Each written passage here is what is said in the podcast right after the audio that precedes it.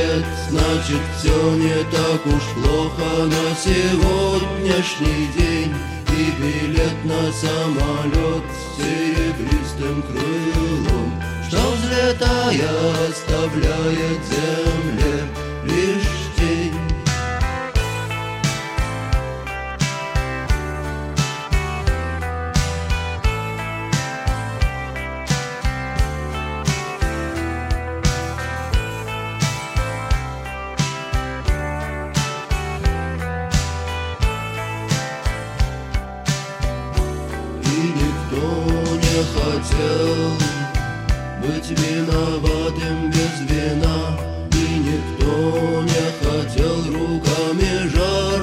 Es la música del grupo de Rusia Kino junto con su cantante Víctor Soy, un cantante con mucha personalidad que ya falleció hace tiempo.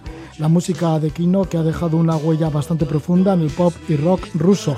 Una música que escuchaba bastante uno de nuestros invitados, Sergio García Dils, cuando allá por el año 2000 se acercó a las cuevas de Kruvera Boronja, la cueva de Kruvera Boronja que se encuentra en la República de Abjasia, en Georgia. Escuchaban esta música de Kino por aquel entonces. Vamos a hacer un balance de las expediciones a Kruvera Boronja, debido a que acaba de publicarse un libro con el, tipo, con el título de Kruvera Boronja, La conquista del centro de la Tierra, la apasionante historia de la expedición a la cima más profunda del planeta jamás conquistada por el hombre. El autor de este libro es Gonzalo Núñez él es periodista de Sevilla, le damos la bienvenida. ¿Qué tal estás? Muy buenas noches, Gonzalo. Buenas noches, Roja, encantado de estar contigo. Y ahora estamos pues con el protagonista del libro, Crubera Boronja, que es el arqueólogo y espeleólogo sevillano Sergio García Dils, que ha participado en numerosas expediciones hasta Sima desde el año 2000 y ha participado junto a sus compañeros rusos y ucranianos. Le damos la bienvenida a Sergio. Muy buenas noches, Sergio. Hola, buenas noches, Roge. Sergio, que te hemos hecho entrevistas a lo largo del tiempo. Mira, y ahora pues ya tienes aquí un libro que se hace justicia, ¿no? A todas esas expediciones que habéis realizado a esta cueva que por un tiempo fue la más la más profunda, donde habéis llegado a la más a la mayor profundidad de la Tierra. ¿Es así? ¿Se hace justicia por fin a estas grandes expediciones que habéis hecho, Sergio? Pues sí, desde luego los espeleólogos pecamos de que somos un desastre como divulgadores y tenemos que agradecer a Gonzalo Núñez, pues que se haya acercado a la espeleología y por fin haya sacado una publicación accesible contando cómo fue la exploración de esta cima. Gonzalo, ¿y fue el propósito de escribir el libro por eso? Porque tenía que quedar patente todas, todas estas expediciones que se conocieran, más de lo eh, que ya se conocían antes. Bueno, evidentemente es un propósito, pero digamos subsidiario. Mi primer propósito eh, fue guiado por la curiosidad, es decir, cuando yo supe esto, eh, quise saber más y quise saber más sobre todo de la figura de Sergio García Dils, porque no siempre contamos con un español eh, que haya estado ahí con equipos rusos internacionales en un sitio tan tan lejano haciendo este tipo de, cosas. Entonces yo me pregunté cómo es que no he sabido antes de Sergio y de esta historia. entonces me puse a escribir sobre ello, eh, gracias a la documentación y a las entrevistas con Sergio, y eh, a medida que iba dándome cuenta de la magnitud, yo pensaba que en cierta manera si podía aportar un granito de arena para que se conociera y se hiciera justicia a estos aventureros, pues genial. Y, y, y, esa es, eh, finalmente, el libro trata de eso, de que la gente se entretenga, aprenda, pero también valore a gente que hace este tipo de, cosas que se salen de lo común. Gonzalo, ¿y quién es Sergio García Dils, este arqueólogo y espeleólogo? Pues Sergio García Dils, eh, por lo que he conocido de él, eh, acercándome a su figura y hablando con él durante muchas horas en el confinamiento, eh, es un tipo de gran coraje, lo que pasa es que normalizado, porque tienen nervios de acero estos espeleólogos, luego son, son capaces de, tratar con normalidad cosas que a otros nos parecen proezas. Es un tipo que refleja los valores de la peleología, que son el, compañerismo, no dejar a nadie atrás, el, también la capacidad de resolver problemas in situ, el liderazgo incluso. Sí, bueno, y hay que decir también que es, de, es sevillano, de origen belga, y que desde la adolescencia pues ya estaba explorando cuevas. Y en los años de 1990 contactó con los clubes soviéticos de espeleología y, Sergio, pues hablas rusos, ¿no? Y además hiciste el doctorado en la Universidad Estatal de Moscú, así que tienes una cierta ligación con lo que era la Unión Soviética y sobre todo, pues, bueno, con la actual Rusia y con tus amigos rusos y ucranianos.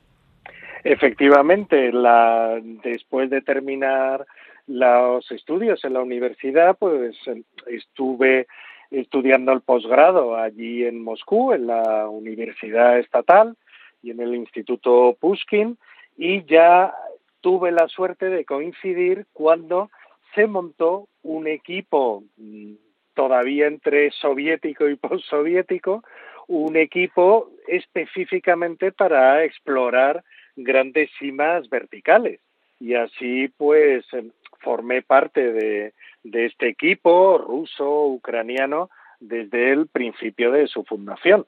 Así que si ya de antes no tenía más remedio que hablar ruso, de, después de tantos años juntos, eh, llevamos ya casi 30 años, pues inevitablemente tenía que acabar hablándolo como una segunda lengua. ¿Cómo era la espeleología en la época de la Unión Soviética para los soviéticos? ¿Era un deporte, bueno, y una especialidad mm, científica como muy, muy allegada a ellos, que se practicaba bastante o no? Eh, en realidad, en, en, la Unión Soviética no fue nunca una actividad de masas, pero sí tenía mucho reconocimiento científico y académico, es decir, era algo sobre todo enfocado a la exploración geográfica. Y de alguna manera nuestro equipo ha heredado esa visión, es decir, que nosotros, aunque inevitablemente hemos tenido que pasar aventuras, pero para nosotros sigue siendo lo fundamental esa exploración subterránea, la exploración geográfica pura. Parece ser, Sergio, según se cuenta el libro, que pasaste de invitado a estas expediciones pues vinculadas a la antigua Unión Soviética, pasaste de invitado a instructor, pues las técnicas de los exsoviéticos estaban bastante desfasadas. Eh, en esa cuestión es quizá de lo más sorprendente, porque en la Unión Soviética, eh, por ejemplo, en alpinismo sí que había material bastante puntero, pero en espeleología, para hacernos una idea, ni siquiera había cuerdas mm, que se pudiesen adaptar para bajar y subir a las cuevas verticales. Para hacernos una idea, cuando yo llegué allí, usaban cable de acero, un cable de 5 milímetros para progresar en las verticales. Y eh, efectivamente mi primera aportación como instructor allí fue traer nuestras técnicas habituales de aquel entonces de progresión por cuerda a todos esos países de la órbita postsoviética. En la República de Ajasia, en donde se encuentra esta cueva, la de Cubrera Boronya, pues se encuentran otras tres cuevas que son las más profundas del mundo conocidas hasta ahora. ¿Cómo es la ubicación de estas cuevas, la de Crubera, Boronya y las demás, estas cuevas tan profundas? Allí en el Cáucaso, pues eh, usamos la misma técnica que usamos habitualmente los espeleólogos, lo que le llamamos la prospección. Es decir, nosotros eh, vamos buscando todo tipo de cavidades sin importar que sean grandes o pequeñas. Y en los últimos 20 años, pues explorando eh, diferentes cavidades en el macizo de Arábica, como comentabas, allí en Abjasia, tenemos localizadas las que son ahora las tres más profundas del mundo y la cuarta estaría en el macizo de enfrente, que se llama Zib, que también es una cueva de grandes dimensiones, de manera que ahora mismo los cuatro récords mundiales de profundidad pues los tenemos en esa pequeña república del Cáucaso. Gonzalo, sí, Por, la, por la parte que, me toca, eh, también eh, destacaría en relación al tema de Abjasia, que es otro de los alicientes que me, que me interesaban de, del libro, eh, que precisamente toda esta aventura, que ya de por sí es una aventura espeleológica de grandísimas dimensiones, eh, suceda en un entorno tan curioso, en un país fantasma no reconocido por la comunidad internacional como, como Abjasia. Es decir, es añadir aventura a la aventura eh, y con unos componentes geográficos y etnográficos que me resultaban muy interesantes, dado que a mí siempre me ha atraído mucho la, la cultura rusa en general. Entonces, eh, poder em, viajar a través de Sergio y con Sergio a esta cueva, pero además a todo un entorno que es, eh, que es Abjasia, que es Sochi, que es el, el Mar Negro, eh, todo eso me parecía al mismo tiempo fascinante y es otro de los motivos que consideraba que tenían que estar en el libro, aparte de la, de, como verán, pues la propia aventura espeleológica. Abjasia, que es territorio cercano a Georgia. Eh, oficialmente era parte de Georgia, lo que pasa es que cuando se desintegró la Unión Soviética, los abjasios no estaban muy de acuerdo y declararon la independencia. A eso siguieron pues casi 10 años de guerra civil y ya a partir de 2006 eh, está poco a poco eh, consiguiendo reconocimiento internacional. ¿Cómo es este territorio del macizo de Arábica en Abjasia? ¿Es, ¿Es bello el lugar? Pues el relieve recuerda muchísimo al, al Pirineo Navarro, por ejemplo, aparte que está a la misma latitud y a la misma altitud. Es decir, que teniendo en cuenta que geológicamente es bastante parecido, pues es un relieve que ahí en el norte resultaría bastante familiar. Eh, es unas superficies pues completamente verde, con grandes paisajes con el mar de telón de fondo y es un entorno realmente salvaje porque allí ahora mismo en la montaña prácticamente no vive absolutamente nadie. Y aparte son zonas eh, totalmente vírgenes al día de hoy para el turismo. Es decir que es un territorio que merece la pena conocer de hecho, de hecho ahora el, turismo está empezando a entrar el turismo ruso, sobre todo a partir de la, de la guerra con Georgia. Y, y, lo curioso también de esta zona es que efectivamente estos picos de arábica eh, llegan a los 2.600, pero, pero a solo 14 kilómetros tienes una costa subtropical que es una que es una rareza en todo el mundo exsoviético, digamos. ¿Cómo te imaginas, Gonzalo? ¿Cómo te imaginas la profundidad de estas cuevas, de las cuevas más más ondas de todo el mundo, de estas simas? Yo, yo me lo imagino cómodamente desde casa, porque no, no, me lo puedo imaginar entrando allí dentro, entrando, asomando un poco la patita, pero, pero poco más. Pero claro, eh, precisamente eh, esa fascinación por, por aquello, aquella cosa que nos resulta tan lejana y tan inaccesible, pues era uno de los motivos de que alguien que hubiera estado allí como Sergio pues me lo contara en detalle. Y él gracias a, a su a su relato mm, pues yo he podido hacer como digo en el libro yo he mm, yo he gateado a ciegas con los ojos de Sergio no por esta cueva. Cómo se puede llegar porque habéis llegado hasta más bajo que de los 2.000 metros. Cómo se puede llegar tan bajo en la tierra porque además si pasara cualquier cosa un equipo de rescate os podría ayudar os podría salvar Sergio bueno, la, la cuestión de por qué eh, se puede conseguir esta profundidad, desde luego, es una de las claves que más nos, nos intrigaba y eh, el estudio geológico del lugar pues nos ha dado las dos variables que afortunadamente pues se han juntado aquí. Por un lado, que estas cuevas se formaron cuando el Mar Negro estaba seco, es lo que se llama la crisis salina del mesiniense, en ese momento en el que hasta el Mediterráneo prácticamente se secó, es decir, que el agua salía mucho eh, mucho más abajo que actualmente, casi 400 metros por debajo del nivel del Mar Negro actual, y por otro lado que el Cáucaso se va elevando. Es decir, que por eso aquí eh, hemos tenido la suerte de tener estas cuevas tan profundas. Y desde luego, como comentabas, eh, tenemos muy claro que en caso de cualquier accidente tenemos que ser totalmente autosuficientes. Ya hemos tenido eh, dos accidentes muy serios y toda la evacuación de los compañeros heridos pues la hemos tenido que afrontar nosotros.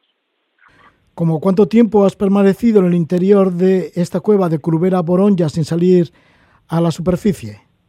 Eh, seguido eh, de un tirón hemos llegado a estar un mes sin salir eh, dentro de la cueva. Pero claro, hay que sumar más de 20 años que ya llevamos trabajando en la zona. Es decir, que a veces le comentaba a Gonzalo que si me pongo a contar, he pasado más de un año de mi vida en este, en este macizo de Arábica y en el Cáucaso. ¿Y cómo se vive en el interior de una cueva tan profunda? ¿Qué es lo que se respira? Bueno, y, que, y el silencio será absoluto, ¿no? Eh, bueno, eso en, en, otro tipo de cuevas sí que es verdad que el silencio es absoluto. O bueno, o el silencio solo lo rompen los ronquidos de los compañeros, ¿no? Por la noche. Pero en esta en concreto hay muchísimo ruido de agua. ¿eh? A veces es como mm, si estuvieses en alta mar, ¿no? Por el ruido, parece que estés en un barco por el ruido del agua. Y mm, cuando estás ya mucho tiempo bajo tierra, prácticamente a partir del segundo, del tercer día, es, por decirlo así, tarifa plana. Prácticamente ya te has aclimatado y, bueno, entras en una feliz rutina de trabajo diario. ¿Cómo se desciende a 2.000 metros? Porque, ¿qué vais? Bajando con las cuerdas y así, y claro, mm, pasarán los días y tenéis que hacer también algún, como en la montaña sucede, que ponen la maca cuando están escalando una pared.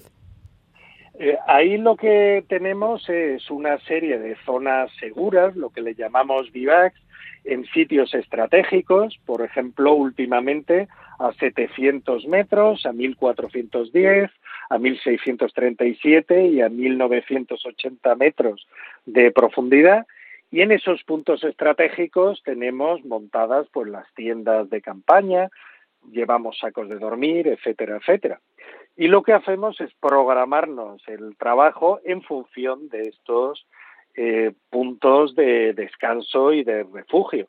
Lo que hay que tener en cuenta es que, claro, para nosotros el objetivo no es llegar, sino que tenemos que combinar los trabajos de topografía, de fotografía, buceo, escalada, es decir, la exploración como tal hay que combinarla con muchos otros trabajos. Sí, porque Gonzalo, en el libro explicas que también ha habido hallazgos para la ciencia. Claro, que es otra otra cosa, otra más interesante de, este asunto y que yo no, no conocía evidentemente. Lo, lo primero que piensas es, joder, eh, quiero quiero narrar ese descenso a más allá de 2.000 metros, a 2.200, eh, pero pero es que encima eh, descubres que también eh, son son campañas muy importantes para la ciencia. Por ejemplo, en 2012, si no me equivoco, eh, el hallazgo de, hasta ocho nuevas especies de insectos, evidentemente, que, viven a cotas bajísimas. Estamos hablando de, casi los 2.000 eh, y pico metros. Es decir, son formas de vida que hasta ahora eran inconcebibles a tanta profundidad y ellos, la, en, trabajando con, con investigadores de universidades, han dado con ellos, los han descrito y este tipo de, de vida, por ejemplo, sirve para la NASA para hacerse idea de cómo puede ser la vida en condiciones extremas en otros planetas. Gonzalo, ¿y por qué se ha llegado a una profundidad de 2.200 metros pero no se puede continuar de momento? Bueno, la, la continuación es bastante compleja en el sentido de que han alcanzado ya la capa freática, de modo que, que están, digamos, a, ras de, a nivel del mar eh, entonces a, través de han ido arañando metros eh, a través de buceo, de espeleobuceo, eh, jugándose el tipo, gente muy preparada con muy buen material y un punto de locura sin duda, pues han ido arañando metros, pero ya la cosa se complica muchísimo más. quizás, y eso lo puede, lo puede contar mejor Sergio, a lo mejor en Crúbera no, pero se puede alcanzar cotas más bajas de las que estamos hablando los actuales récords en 2.212 metros en otros puntos de, del mundo. Sergio, porque, sí, porque se llega a un sifón que ya está el agua y ya es difícil, ¿no? Hay que hacer espelobuceo y supongo que será como bastante complicado.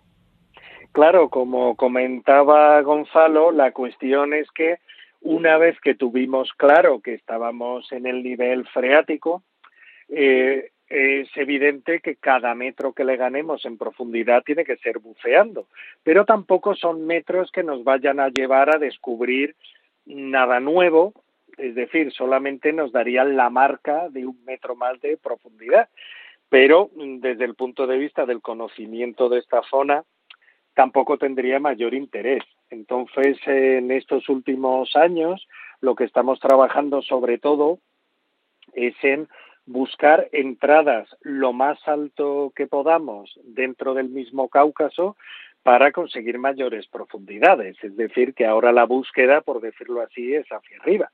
Y efectivamente, como también señalaba Gonzalo, en otros macizos, por ejemplo, hemos trabajado también bastante en Turquía, en la cordillera del Tauro, y allí tenemos un eh, potencial real comprobado de hasta 2.700 metros de profundidad.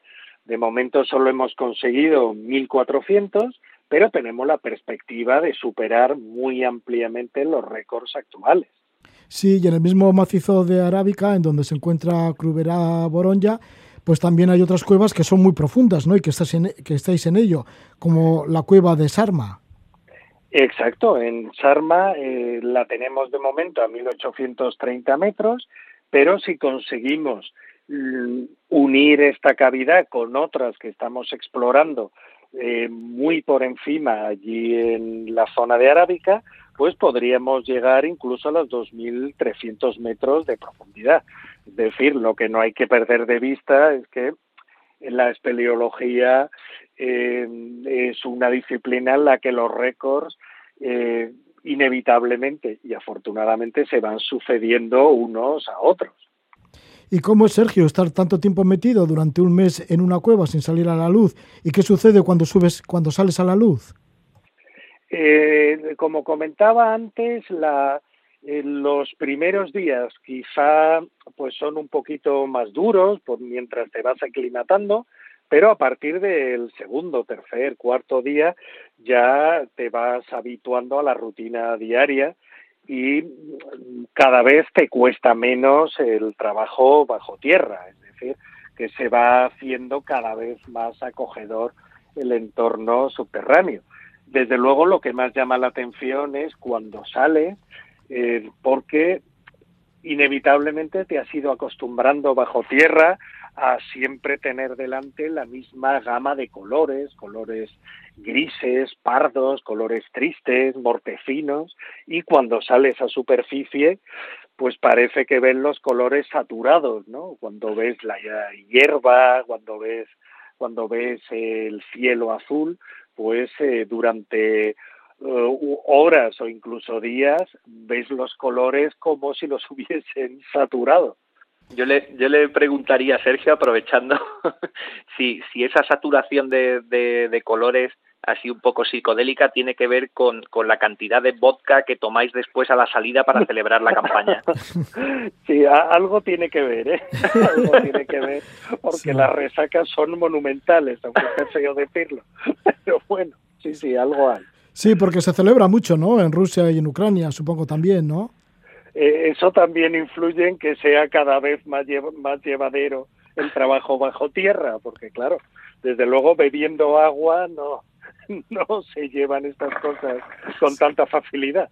Sí, bueno, pues estamos hablando de un libro que lleva el título de Crubera Boronja, La conquista del centro de la Tierra. El autor es Gonzalo Núñez, periodista sevillano que está con nosotros, y el protagonista es Sergio García Dils, espeleólogo y arqueólogo sevillano que tiene mucha relación con, bueno, ya desde joven de estudiante, pues con Moscú, aprendió ruso y conectado desde los décadas de los años de 1990 con clubes soviéticos de espeleología y desde el año 2000 pues haciendo investigaciones y bajando a grandes profundidades, a más de 2.000 metros, en esta cueva, la de Crubera Boronja. Por cierto, Sergio, ¿cuál ha sido tu récord? ¿Hasta dónde has llegado en profundidad?